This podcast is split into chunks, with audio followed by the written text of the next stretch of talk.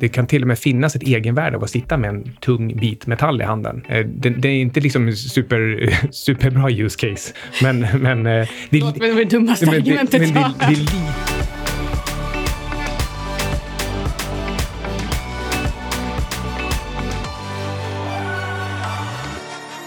future of money. The future of money. Okay.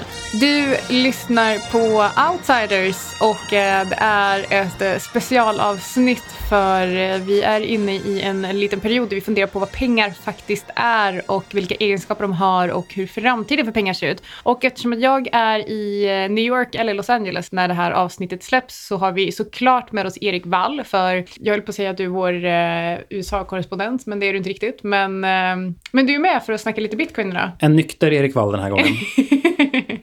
ja, det finns ju en tidigare bonusintervju med dig eh, som vi gjorde när vi var i New York tillsammans. Det var för övrigt en rolig resa. Spännande vecka. Den intervjun den behöver vi dock inte påminna folk om. Det, och det betyder ju alltså att idag så kommer vi få höra en fullständigt skarp och påläst Erik Wall med enbart eh, väl underbyggda argument. Inget eh, eh flamsande som förra gången. Hmm.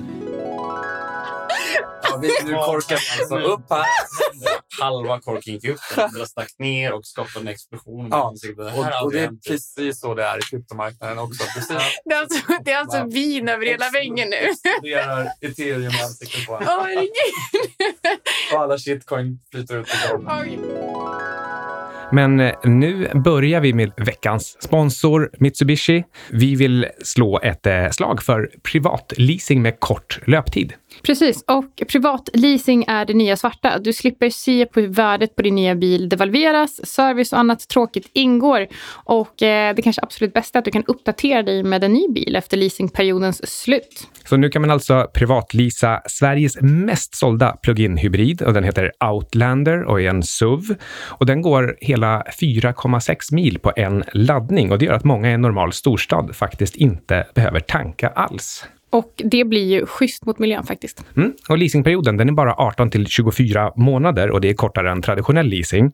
Då ingår också vinterdäck och service. Och man kan faktiskt leasa den här med bara tre klick på hemsidan. Du väljer färg, tillbehör och skriver under med BankID och sen levereras bilen till närmsta återförsäljare. Så gå in på mitsubishimotors.se privatleasing.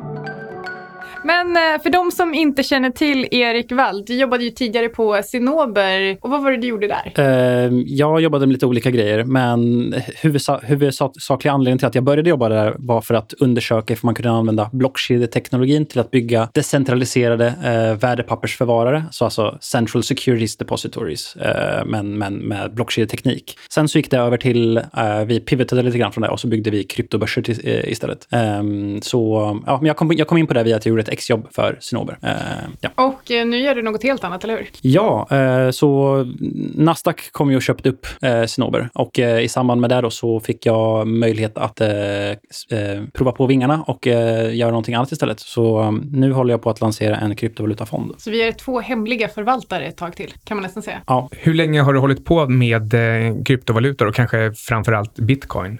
det blir väl, jag är väl inne på mitt sjunde år nu. Ehm, så jag har ju suttit som eh, datavetenskapsstudent och eh, upptäckt det här och haft eh, tiden på Lunds tekniska högskola att kunna grotta ner mig i tekniken. Och egentligen så höll jag på mestadels med trading till en början. De två första åren så sysslade jag bara med bitcoin trading tills jag insåg att vänta lite nu. Det här är mycket mer intressant än någonting som man bara ska trada med. Första gången du och jag träffades så kom du ju hem till oss för att ha ett möte med Micke och då satt jag och kortade bitcoin i soffan. Ja, det kommer jag ihåg. Det är skarpt tydligt minne och jag sa till dig, vad gör du Anna? Du kan inte korta bitcoin.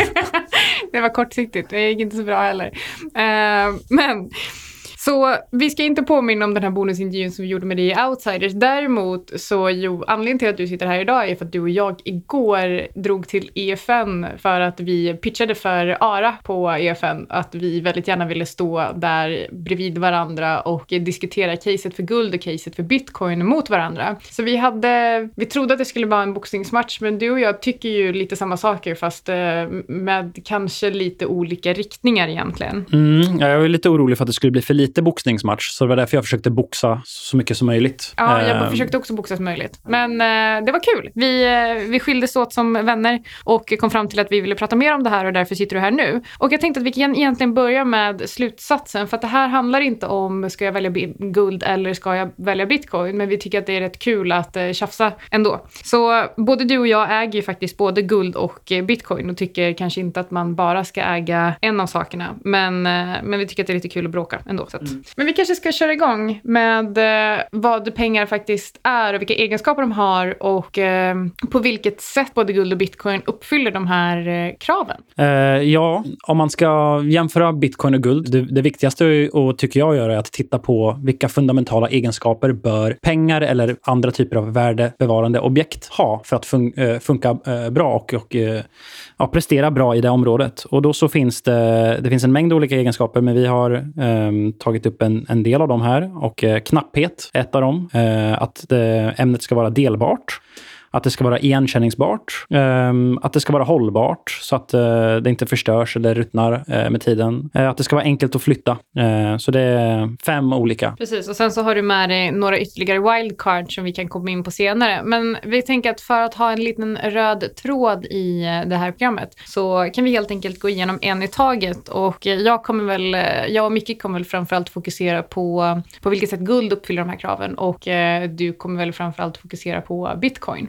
Men eh, ska vi börja med the scars, alltså att det ska finnas i en begränsad tillgång. Här är ju, det är väl egentligen den största frågan när det kommer till guld kontra bitcoin. Vill du börja dra caset för bitcoin? Alltså jag kan, vi kan ju börja prata om guld egentligen. För att eh, det, som har, det som har gett guld den, dess formidabla position genom de här tusentals åren av, av män, mänsklighetens historia, det är att det inte går att eh, um, späda ut mängden av guld som finns på ett, eh, på ett spe- på rätt sätt. Det, det kostar mycket pengar att gräva upp guld i marken. Ehm, och det är det här som har gjort att guld då har kunnat bli ett av de största tillgångslagen som finns i, i mänskligheten. Så att gu- eh, knapphet är viktigt. Eh, för om någonting ska kunna behålla, sitt- behålla sitt värde så krävs det att det finns en knapphet. Och bitcoin, eh, om vi jämför det med guld, eh, egentligen alla krypto, många kryptovalutor har ju någonting som, som överträffar eh, guld och andra ädelmetaller och det är att det finns en ultimat knapphet. Det är inte så bara att det är svårt att gräva upp det i marken, att det finns en, eh, en, en en generell eh, utspädningstakt, utan det finns ju faktiskt ett eh, fast slutgiltigt antal som någonsin kommer att grävas upp. Så det är, ur den synvinkeln så, är, så, så för ju kryptovalutor någonting helt nytt till bordet inom, inom olika monetära gods historia. Ur urminnes tider har det aldrig existerat eh,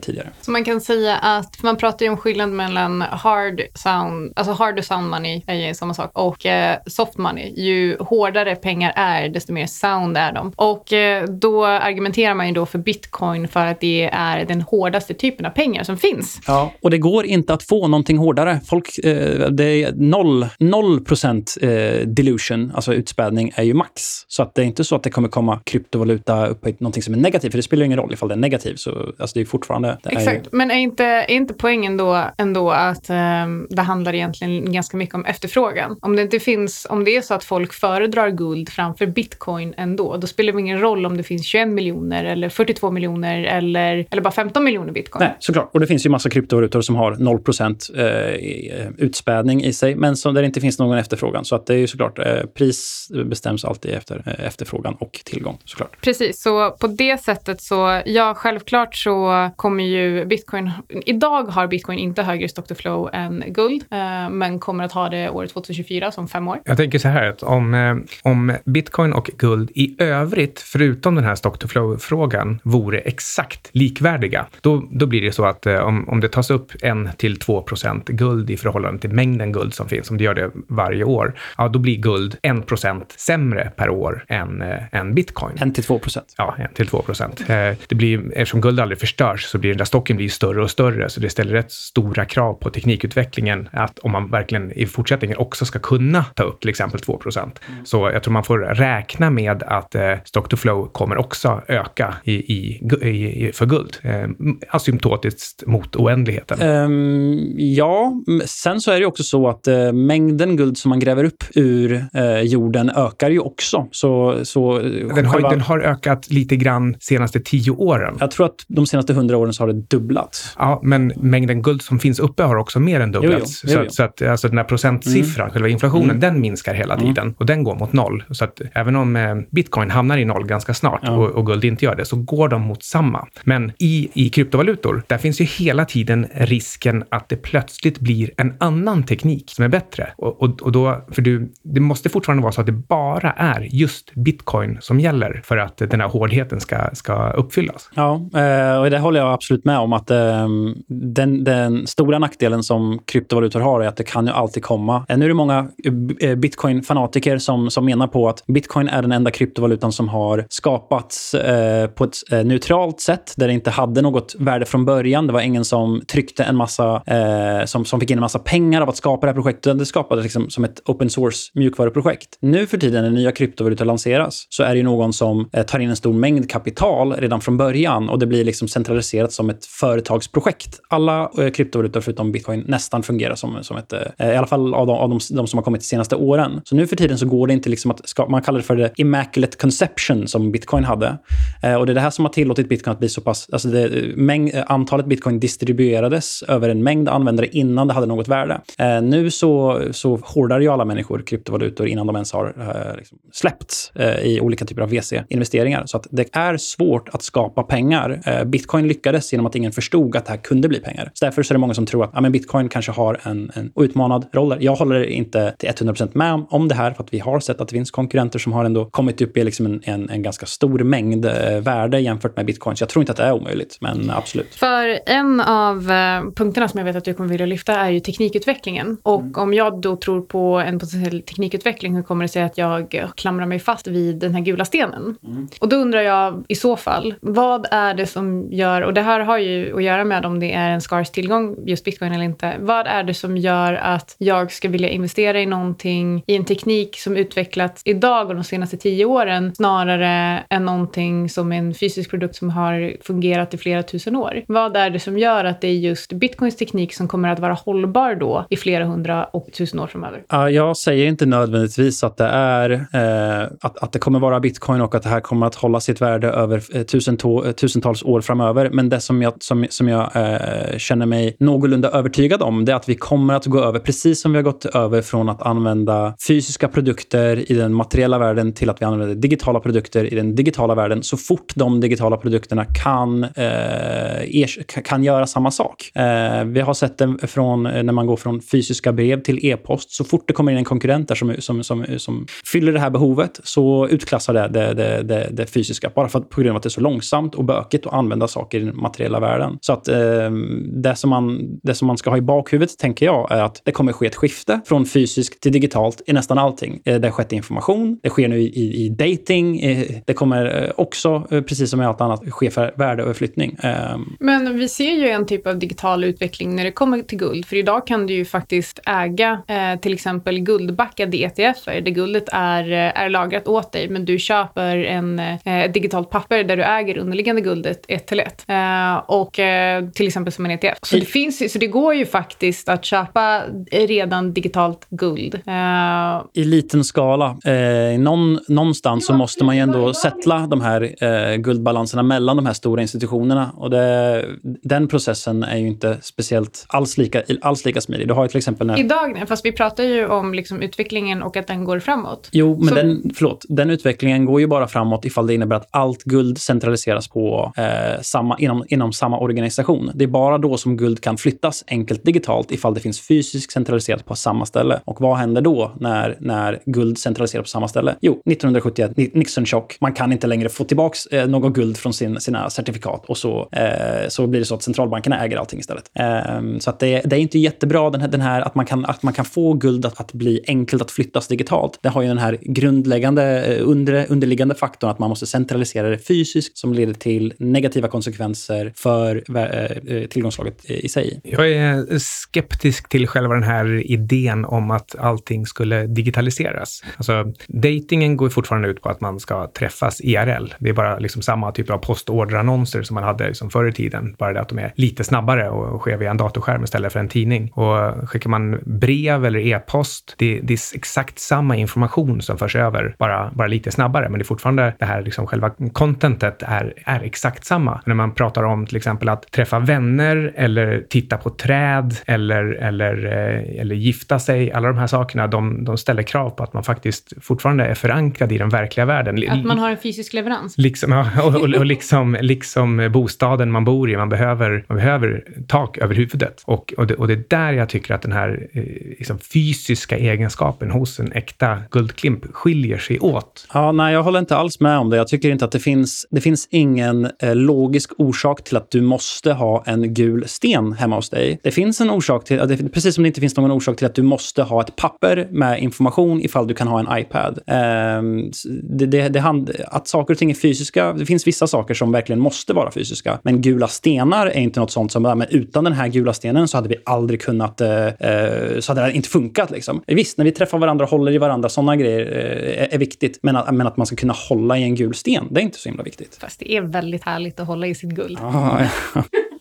Men, men, men, vi har lite annan teknikutveckling. Du hade ju faktiskt någon idé här om, eh, eller många har idéer om att guld skulle kunna spädas ut på grund av teknikutvecklingen. Alltså antingen att man hämtar den på en asteroid eller att man kanske med någon kärnteknik i framtiden kan tillverka guld. Men jag vill bara slå hål på de här sakerna direkt. Eh, det är alldeles för dyrt att hämta vid en asteroid och om asteroiden kommer hit så utplånas ändå allt liv och eh, med allt vi vet om kvantmekanik så går, så går det inte att tillverka guld. Alltså det, det är inte förenligt med fysikaliska principer. Okej, okay, men då har jag en fråga till er då. Eh, jag har hört att det finns mer guld i havet än vad det finns uppgrävt på jorden. Vad tror ni om det? Jag, vill ha, jag har en bara fråga ja. först. Uh, ja, absolut. Men jag har också en fråga. Uh, I och med att du har hört det här men du vet inte riktigt var och du vet inte riktigt om det är sant. Jag vet att du tänkte fråga mig vad jag har, vilka datakällor jag använder för Precis. guld och mm. hur trovärdiga de är. Mm. Var, var har du hört det? Uh, vad sa du? Alltså var har du hört att det finns i havet? och hur trovärdig är den källan? Jag, jag vet faktiskt inte, är det så? Nej, jag hörde, jag hörde det på en debatt mellan Erik Voorhees och Peter Schiff. Mm. Uh, att Gene, som var uh, moderatorn för den debatten, han, han sa att det fanns mer guld i havet än vad det finns i uppgrävt på jorden. Men det som är intressant är kanske inte ifall det är sant eller inte, utan det är guld så har vi inte något sätt att uh, verifiera eller certifiera exakt hur mycket som finns, vart det finns, utan det är liksom lite oberoende rapporter här, här, här och därifrån. I bitcoin så kan jag säga exakt hur många som finns idag, exakt hur många som kommer finnas imorgon, exakt hur många som kommer finnas om två år, vad supply raten kommer att vara. Det, att, att ha den eh, eh, åtkomsten till säkra datakällor är någonting som guld inte har, vilket gör det till mycket mer osäkert eh, ämne att, att handskas med som för värdeförvaring. Ja, det där är intressant, för det är liksom matematiskt korrekt. Och så du vet precis hur det är. Och samtidigt så vet vi inte om det kommer en bitcoin 2 som, som slår ut allt det här. När det gäller guld så har vi egentligen 8000 års erfarenhet av där folk letar efter guld så intensivt de kan med all teknik de kan, vilket innebär att vi har en väldigt fin balans mellan kostnaden för att ta fram guld, oavsett om det finns i havet eller i löv. Och det, just det här med havet visste jag inte, men jag är helt övertygad om att det finns mer guld i havet än jag någonsin har grävt upp. Jag vet att det finns utvinningsbart guld i nästan alla plantor och vissa plantor kan man detektera det eh, hyggligt billigt också, men däremot så är det oerhört svårt att utvinna. Så det, just all den här, eh, alla de här försöken, empiriska eh, data som vi har på att gräva fram det och raffinera det, det visar att du kommer inte kunna öka hastigheten i, i guldframtagandet om, utan att, eh, att kostnaden ökar. Men det stämmer ju inte alls, för att eh, teknikutvecklingen är ju exponentiell och förändras hela tiden och alla förutsättningar för att eh, fram, eh, utvinna guld förändras ju eh, eftersom att tekniken ut, eh, utvinns. Så att det kanske inte är enkelt, att, eh, enkelt eller billigt att utvinna guld i havet idag. Men så kommer det någon specialutbåt som, som gräver guld jätteduktigt och så helt plötsligt så förändras den ekvationen. Så det är ju, de här tusentals åren är ju på något sätt baserad på någon slags primitiv människoteknologi. Den är ju i när, när man pratar om exponentiell utveckling i teknologi, då betyder det inte bara att ja, men det kommer vara lite bättre i tiden, utan, utan eh, om hundra år så kommer vi ha kommit eh, längre i teknikutvecklingen än vad vi har gjort med alla våra tusentals år tidigare. Det är det, är det som, som gör att den här, att kunna förutspå hur svårt det är att gräva fram guld blir så oförutsägbart. Och då undrar jag igen, om det nu är så att om vi skulle kunna jämföra eh, de tusentals åren eh, och kalla det för liksom primitiv teknologi, vad, hur kommer man se på teknologin bakom bitcoin om hundra år? Om teknikutvecklingen är, eh, alltså går så snabbt, kommer inte vi tycka om hundra år att eh, tekniken bakom bitcoin är primitiv? Jo, det kommer vi säkert göra, men tekniken för eh, kryptovalutor eh, och bitcoin kan ju... Bitcoin behöver inte... Bitcoin är inte på något sätt statisk. Eh, för några år sedan så trodde vi att det enda sättet att flytta bitcoin på det var att, att man skulle stoppa in dem i, i blockkedjan och vänta på att en miner ska gräva fram de här bitcoinsen eller eh, lägga in dem som en ny transaktion i blockkedjan. Nu för tiden så... Eh, jag var på en konferens nu nyligen och sättet som vi flyttar på bitcoin där med eh, nästan exakt samma typ av säkerhet och, och eh, tillit och eh, så, så kan vi flytta bitcoin omedelbart utan att behöva lägga in den transaktionen i blockkedjan. Så vi har ju ny teknologi som utvecklas på bitcoin och just nu så är bitcoin liksom teknikledande i den här, i den här kategorin. Så. Betyder det här förresten att man kommer slippa de här enorma energikostnaderna för, för bitcoin? Alltså när, vi, när, när ni är klara med de 21 miljoner styckena, kommer det kosta lika mycket energi för själva transaktionerna? Mm, Mm, det är en svår fråga för att eh, kostnaderna som är förknippade med bitcoin idag eh, eh, har med två saker att göra samtidigt. Dels så är det eh, utvinningen av bitcoin som kostar en massa. Det, det, det, är på grund av att det utvinns så mycket bitcoin fortfarande som gör att kostnaderna är, är så pass höga. Eh, sen, men sen så vill man ju att transaktionsavgifterna ska ta över eh, för, för de här kostnaderna. Så att det är hur mycket folk använder för, eh, det är hur mycket folk spenderar när de gör bitcoin-transaktioner. Där blir på något sätt måttstocken på hur mycket energi som kommer att spenderas. Men, eh, men så att eh, det, det, jag, det jag tror med den här teknologin är att vi kommer kunna göra många fler transaktioner. Eh, men, men vi måste fortfarande ha en ganska hög kostnad för att systemet ska vara säkert. Så det kommer aldrig bli så att med den nuvarande modellen så kommer det vara gratis med, med bitcoin. Men, men, man kanske skulle kunna säga att kostnaden per transaktion, elförbrukningen per transaktion, kommer inte vara speciellt hög. Jag tror att vi, för vi skulle gå igenom alla de här egenskaperna som krävs för att fungera som, som pengar eller vad är riktiga och hårda pengar. Och vi har ju ägnat ganska mycket tid åt att diskutera just eh, var, varför och hur det ska vara scars. Så jag tänker att vi kan gå, eh, gå vidare till att de ska vara delbara, men innan vi gör det ska vi bara ta en kort paus. Nu är det torsdag den 7 november och klockan är halv två på eftermiddagen och jag sitter här med Taner på Atlant Fonder. Och, eh, Tanner, vad är det du och Atlant Fonder ser som är spännande just nu? Mm. Vi har ju blivit synonyma med, med, med optioner och det är ett instrument vi gillar väldigt mycket och använder väldigt mycket. Eh, och, och, det vi kan konstatera är att vi, vi tycker att eh, marknaden slits mellan, mellan två primära krafter. Den ena är att den, den, den klassiska kraften där man försöker diskontera framtiden och det man kan se är att all den data som kommer in visar ju på att ekonomin försvagas. Det kommer in industriproduktionssiffror i Tyskland idag som är väldigt svaga, mycket svagare än väntat. Eh, produktionstal som kommer från USA tidigare i veckan som är väldigt svaga. Eh, och allt det talar ju för en börs som egentligen bör komma ner. Men å andra sidan så har du centralbankerna som fortsätter stötta marknaden med likviditet och räntesänkningar. Så, så det vi kan konstatera är att vi har egentligen ingen aning om vad som kommer hända eh, nästa vecka eller nästa månad. Eh, och då är optioner ett, ett, ett briljant instrument att använda för att det är så förlåtande när man har fel. Så, så en, en, en, trade vi gillar väldigt mycket då är att vi kan konstatera att börsen är upp runt 13 procent sen botten i oktober och runt 20 procent sen botten i, i augusti. Eh, och, och, det finns en stor osäkerhet idag om hur tillgångar ska prissättas. Eh, det gör att vi tror att reaktionerna kommer vara stora åt båda hållen. Det kommer fortsätta vara slagigt och det är det vi har sett de senaste två åren. Där marknaden trendar uppåt och sen kommer ner och sen trendar uppåt och sen kommer ner igen. Är det här då, skulle du säga, inte riktigt inprisat? För vixen är fortfarande ganska låg och du tror att det ändå eh, är ett läge för stort utslag uppåt eller neråt? Ja, det, det är väldigt intressant. För vi, håller, vi håller helt med. Vi, vi tycker att vixen är på tok för låg om man tittar på hur marknaden har trendat de senaste två åren. Eh, det vi kan se är att eh, vår tes är att eh, datan kommer att avgöra i slutändan och, och, vi tror att penningpolitiken egentligen, att, att, att effekterna av den penningpolitik som förs globalt närmar sig sitt, sitt slut. Så, så vi, vi, tror att, eh, att 2020 kan bli ett ännu mer turbulent år än vad vi har sett de senaste tre fyra åren. Eh, så, så en, en, trade vi gillar väldigt mycket egentligen att man har en väldigt defensiv portfölj och man kan gå egentligen så defensiv som att gå hela vägen in i cash. Så man säljer alla sina aktier, och obligationer och så vidare. Och så köper man en liten option på uppsidan och en liten option på, på nedsidan. Så man utnyttjar den här låga volatiliteten då som, som påverkar optionsprissättningen. Så om man ska vara mer konkret så har vi tittat på att man köper man köper en köpoption på uppsidan och, och då, valde vi en, en, en, då valde vi december månad som lösenmånad. Eh, och så köper man också en december, så man köper en decemberköpoption och en december säljoption. Eh, och det fina här då att du, får, du använder ungefär 1% av din portfölj. Så i teorin kan du ligga 99% cash och köpa de här optionerna för totalt 1%. Och skulle börsen gå 10% och då kommer du halka lite efter. Så då kommer den här portföljen att ge ungefär 8,5 men skulle börsen komma ner 10% så börjar utväxlingen bli väldigt rejäl. Eh, och, och, då kommer du faktiskt kunna tjäna 6% i. Så, så vi gillar den här. Så det värsta som händer egentligen för den här traden det är att du att, att börsen står och egentligen står still i, i tre, fyra månader. Eh, och, och, då kommer du tappa runt, runt 1% Så vi gillar den här så att, säga, att, att det, det, blir väldigt förlåtande för oss att ha fel. Eh, och, och, det värsta som händer är att du förlorar 1% Och vi kan tycka att jag menar, börsen är upp 30% i år eh, i Stockholm med, med, med återinvesterade utdelningar. Och, och då kanske inte det gör så mycket att man tappar 1% på slutet för att stänga året på, på 29% plus istället om man har varit investerad hela året.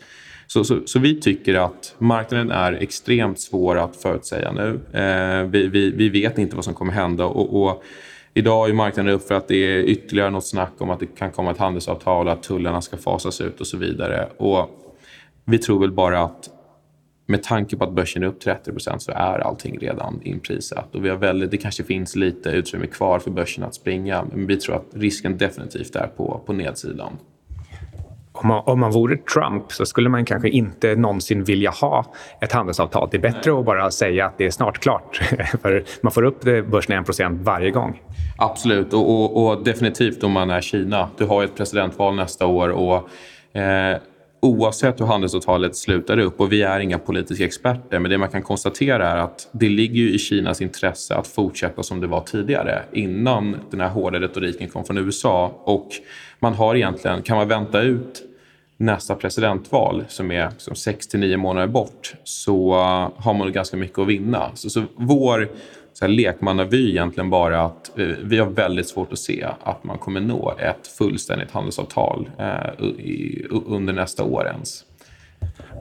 Om man nu inte som privatperson själv vill hålla koll på eh, vixen på optionspremier och hur man sätter ihop såna här portföljer. Mm. Hur gör man för att eh, få exponering via Atlantfonder? Var går man någonstans?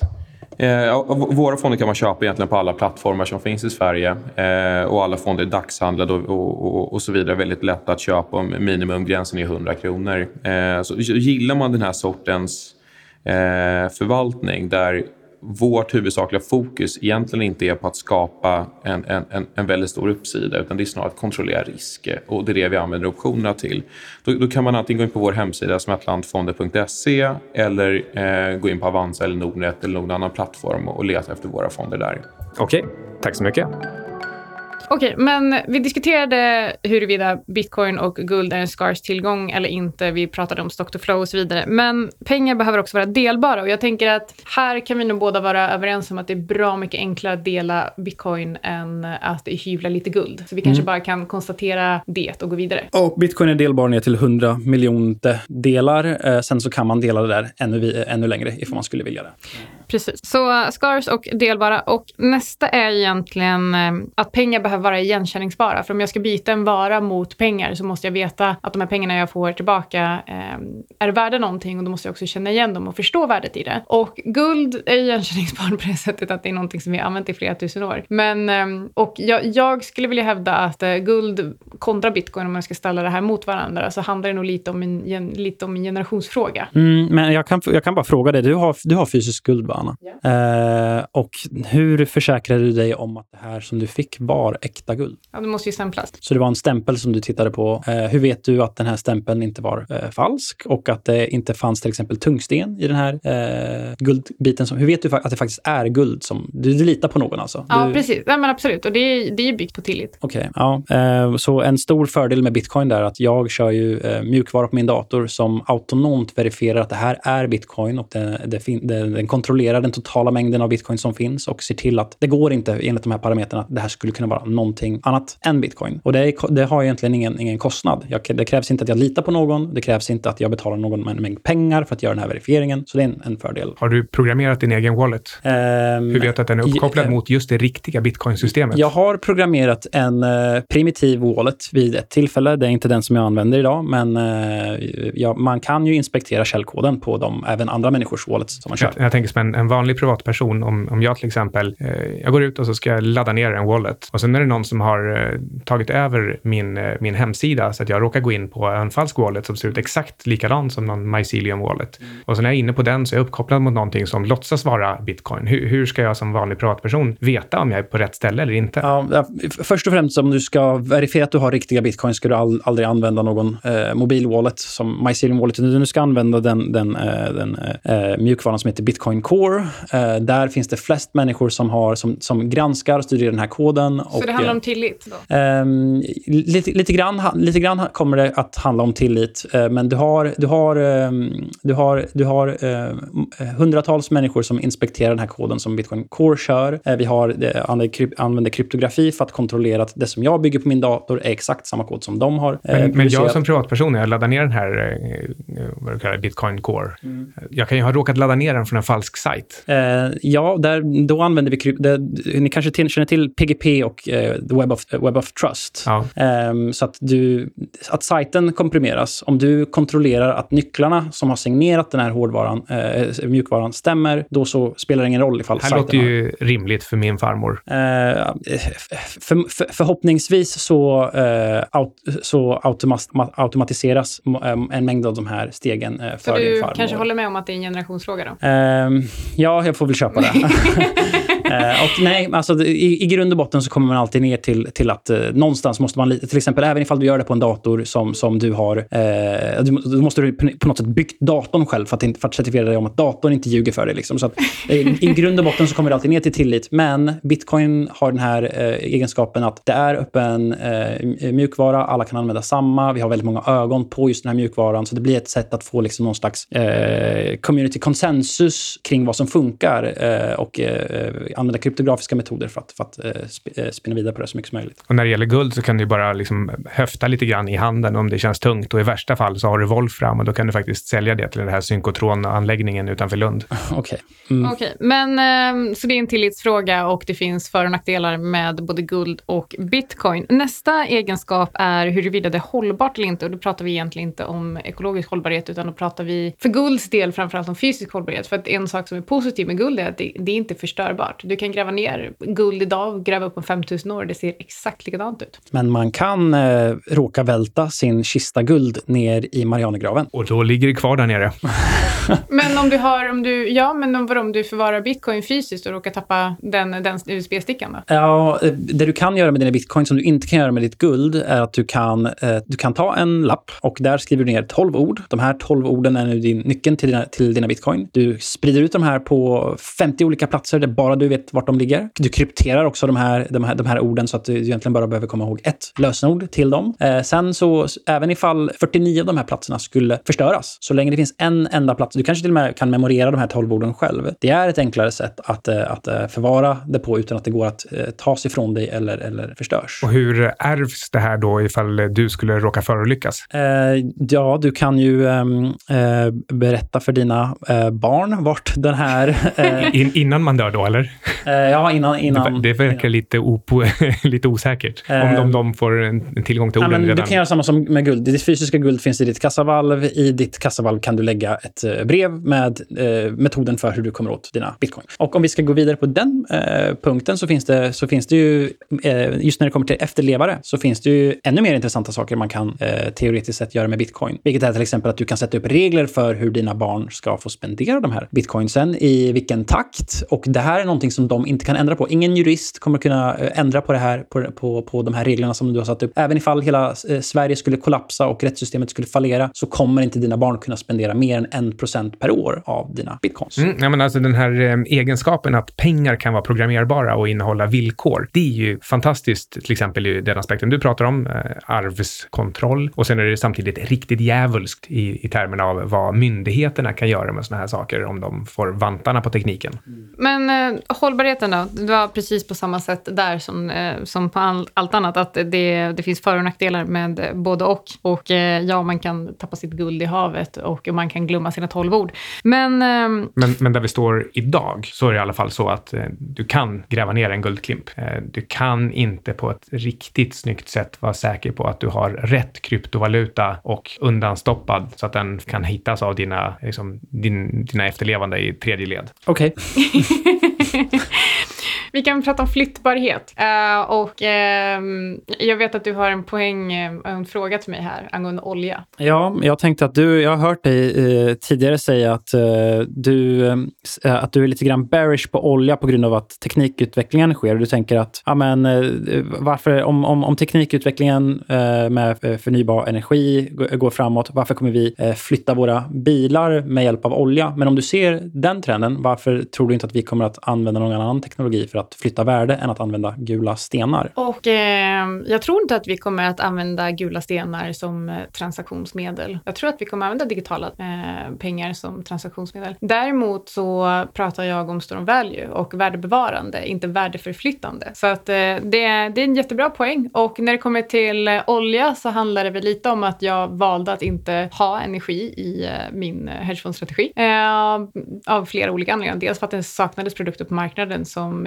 exkluderade energi när man inkluderade råvaror, men också för att jag tänker att eh, efterfrågan på olja eh, tror jag faktiskt kommer att sjunka snarare, snabbare än tillgången. Och eh, då är det igen den här teknologiska utvecklingen. Vad är det då som gör att det är bitcoin som kommer att ligga i framkant hela tiden? Det, vi återkommer till det här hela tiden. Ja, nej, och det säger inte jag som sagt att det är, men, men jag menar bara att, det, att eh, vi står inför ett digitalt skifte.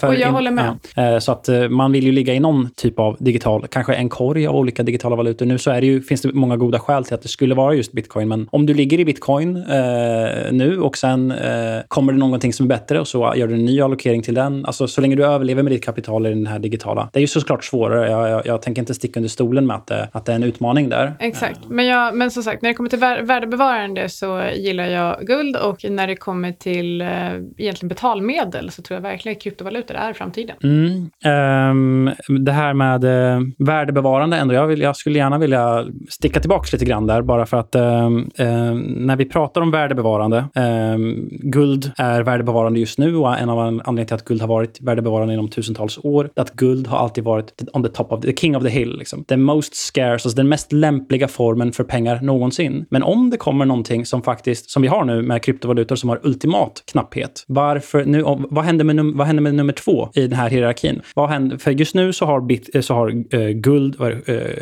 7 trillion dollars i, i, i 7,7 eh, i, mar- i market cap. Eh, silver ligger på eh, 0,7 procent av det här. Eh, det är ju för att det finns ingen anledning. Vad händer med nummer tvåan i en så här hierarki av monetära gods? Blir det inte så att ettan är den som suger upp allt värde till slut? Men det finns ju andra saker som är mer scarce än bitcoin såklart. Det finns bara en Micke Syding och det finns bara en Anna Svan. Det finns bara en Micke Syding. Men allting, allting handlar om efterfrågan. Ja, och, och så tänk på det här med, med silvret också. Silvret förfars ju hela tiden, så det är inte så himla konstigt att market cap och det faller hela tiden jämfört med guld. Guldet läggs ju bara på hög. Så eh, det är meningen att silver ska bli knappare och knappare med tiden. Men jag håller med precis det ni säger om att det, det handlar inte bara om eh, eh, supply utan det handlar också om demand. Men varför, varför skulle det inte finnas mer demand för någonting som har bättre knapphet och dessutom eh, vinner på en mängd andra, eh, an, andra punkter som till exempel det här med flyttbarhet. Eh, varför, varför, varför skulle guld eh, etablera sig kvar på den här positionen och ha högre demand om det finns någonting som är bättre? Time will tell. Jag tror att det, handlar, för vi kan inte prata om att, eh, att bitcoin inte, att det inte finns ett use case för bitcoin. Du vet ju, vi alla i det här rummet att, eh, att vi är ju fans av bitcoins. Men, eh, men problemet är väl egentligen att det inte har existerat mer än tio år och då är det klart att många idag väljer ju hellre någonting som har fungerat i tusentals år än någonting som har fungerat i tio år. Så jag, men jag tror så att om det skulle vara så att man ser en förflyttning från guld till bitcoin, då kommer den här ske långsamt och över tid. Ja, um, det, jag, jag, jag, jag vänder mig inte emot mot det. Alltså, jag, vi,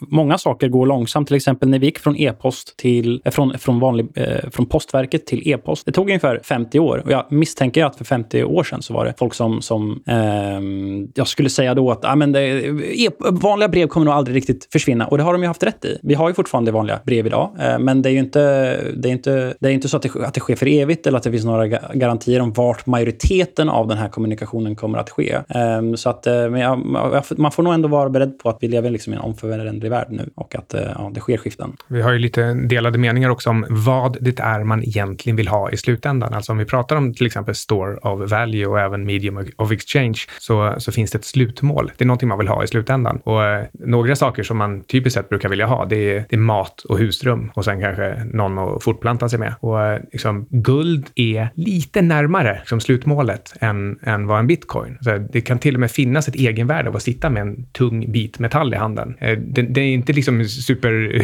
superbra use case, men... men det, Låt mig det dummaste men, argumentet men det, det, är lite närmare att faktiskt ha eh, eh, till exempel en fastighet eller en bit mark. Det, det är mer jämförbart eh, med en bit guld och en bit mark än att sitta där med nollor och ettor som du, du kan liksom inte bolla med dem. Du kan inte...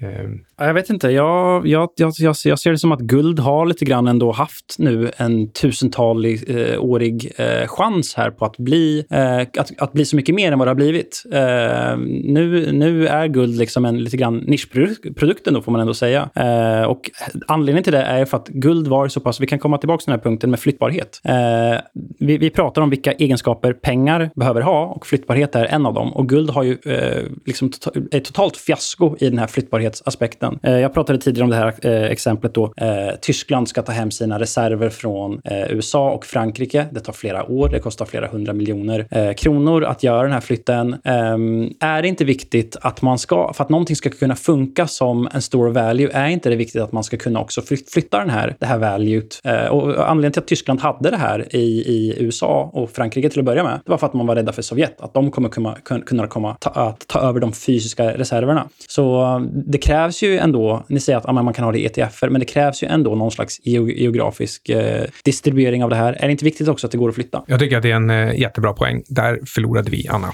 Jag håller med. Och vi måste faktiskt eh, börja runda av. Eh, mm. har du några avslutande ord, Erik? För jag tänker att eh, när vi var på EFN så helt plötsligt så stängde de av och så sa de Anna, du får säga en avslutande kommentar. Så jag tänker så här, Erik, du får sista ordet. Ja, och det jag vill komma tillbaka till är lite grann det här med the future of money, alltså vad, vad, bitcoin kan bli som guld inte har kunnat bli. Eh, ja, men, eh, guld har haft nu en lång tid inom eh, historien där det har eh, centraliserats på olika fysiska platser. Det har lett till att centralbanker har lyckats konfiskera stora mängder guld. Nu så är centralbanker en av de största ägarna eh, av, av det här guldet. Bitcoin liksom ger oss en ny chans att använda någonting som är knappt, som har de här bra egenskaperna som pengar ska ha, som inte har lidit under den här centraliseringen som, som, som guld har drabbat drabbats av. Eh, sen så finns det en, en, en mängd andra egens, eh, roliga egenskaper eh, på bitcoin, vilket är att ja, men det är programmerbart. En sak som du kan göra med en bitcoin som du inte kan göra med en guldbit, det är att säg att du har en, en, en elektronisk aktie och jag har en elektronisk bitcoin. Nu vill vi byta de här med varandra. Eh, för att du ska kunna göra det här med guld så måste det, den transaktionen måste gå igenom en central part som gör den här swappen åt er. Med bitcoin så, så behöver du inte ha det. Du kan byta den här bitcoin med någon annan eh, helt helt och, och, och, den transaktionen exekveras bara ifall du får det du vill, det du vill ha ut av den här transaktionen. Så att man kan göra trustless, alltså eh, tillitslösa eh, transaktioner med hjälp av eh, bitcoins blockkedja. Det, det är en jättestor grej som, som för, jag, för i alla fall mig som jobbat inom, inom eh, eh, börssystem och clearingsystem, att veta att man kan ta bort den risken är en ofantligt viktig grej. Och eh, med det så vill vi tacka dig för att du kom hit och jag misstänker att vi säkert kommer bjuda in dig igen. Då har du lyssnat på Outsiders. Tack för att jag fick vara med. Med Syding och Svan och Wall.